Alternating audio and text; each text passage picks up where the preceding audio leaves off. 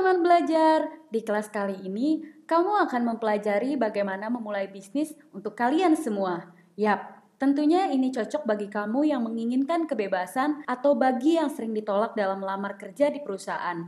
Kamu pastinya capek kan kalau ditolak terus? Yuk move on, mending bikin usaha sendiri aja. Lebih enak, kita yang jadi bosnya. Supaya tidak salah jalan dan tersesat dalam jebakan kredit online yang lagi hype saat ini, tentunya kamu harus fokus dan all out Yap, beneran all out untuk bisnis yang kamu ingin buat. Fokus dan all out saja belum cukup loh. Kamu juga harus menemukan ide bisnis yang tepat, membuat unique identity untuk branding bisnismu, memilih pasar, dan yang terakhir membuat rencana bisnisnya. Baiklah, kita akan mempelajari satu persatu. Yang pertama, yang akan kita pelajari bersama yaitu memilih ide bisnis yang tepat untuk bisnis yang akan dibuat. Kita akan pelajari bagaimana mengetahui sebuah ide bisnis yang bagus atau tidak. Kita juga akan membahas apa yang harus dilakukan untuk mendapatkan sebuah ide bisnis yang bagus. Juga bagaimana cara menemukan pasar yang tepat bagi ide bisnismu.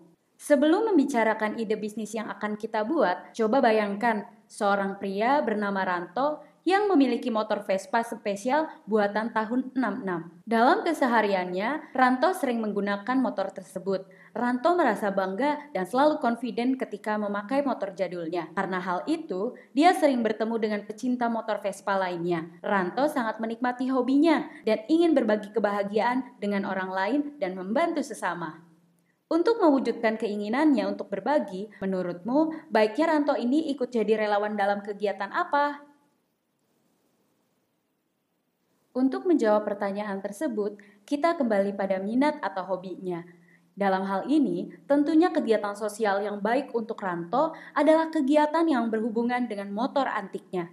Masih bingung? Baiklah, kita akan kasih contoh lagi ya teman-teman. Kegiatan sosial yang sesuai minat Ranto adalah kegiatan sunat massal yang diselenggarakan oleh komunitas Vespanya. Cara di atas juga bisa kalian terapkan untuk mencari ide bisnis yang tepat untuk ide bisnismu. Pastikan ide yang kamu pilih adalah ide yang kamu sukai dan membuatmu nyaman dalam mengeksekusinya. Ide untuk bisnis tentunya harus bagus, tapi pertanyaannya adalah bagaimana menemukan ide yang layak untuk diwujudkan. Beberapa ide jelas bukan ide yang bagus. Misalnya, apakah orang mau membeli kulit durian yang bisa dimakan? Meski begitu, ada ide yang awalnya kelihatan biasa saja. Ternyata setelah dicermati bisa berkembang menjadi ide yang brilian. Sebaliknya, sebuah ide yang tampak luar biasa mungkin akan sering gagal seiring waktu. Kita memang bukanlah peramal yang bisa tahu sebuah ide bisa sukses atau tidak. Tapi kalian harus tahu ada cara yang bisa kita lakukan untuk memperbesar peluang keberhasilan ide yang kita pilih. Langkah pertama adalah mencermati diri kita sendiri, apa saja skill yang kita miliki, dan hal apa saja yang menjadi minat kita. Pikirkan keahlian yang sangat spesifik dan keahlian yang umum. Untuk keahlian yang spesifik, contohnya kamu bisa membuat ukiran kayu atau kamu bisa membuat patung dari lilin.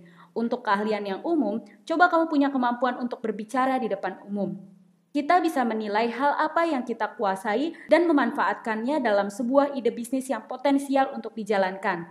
Kita juga harus mempertimbangkan hal-hal yang menjadi minat untuk memulai bisnis. Perlu semangat yang besar untuk membantu melewati masa-masa sulit saat memulai bisnis. Bayangkan teman-teman, bila kamu tidak suka seafood, tapi harus mencicipinya setiap hari di restoran seafood milikmu. Apalagi kalau kamu punya alergi tapi masih nekat jualan. Gila aja Lundro. Hahaha. Oke, oke. Jadi penting sekali ya guys untuk memilih ide bisnis harus sesuai dengan apa yang kamu sukai. Jadi jangan salah pilih untuk memilih ide bisnis. Oke, sampai jumpa.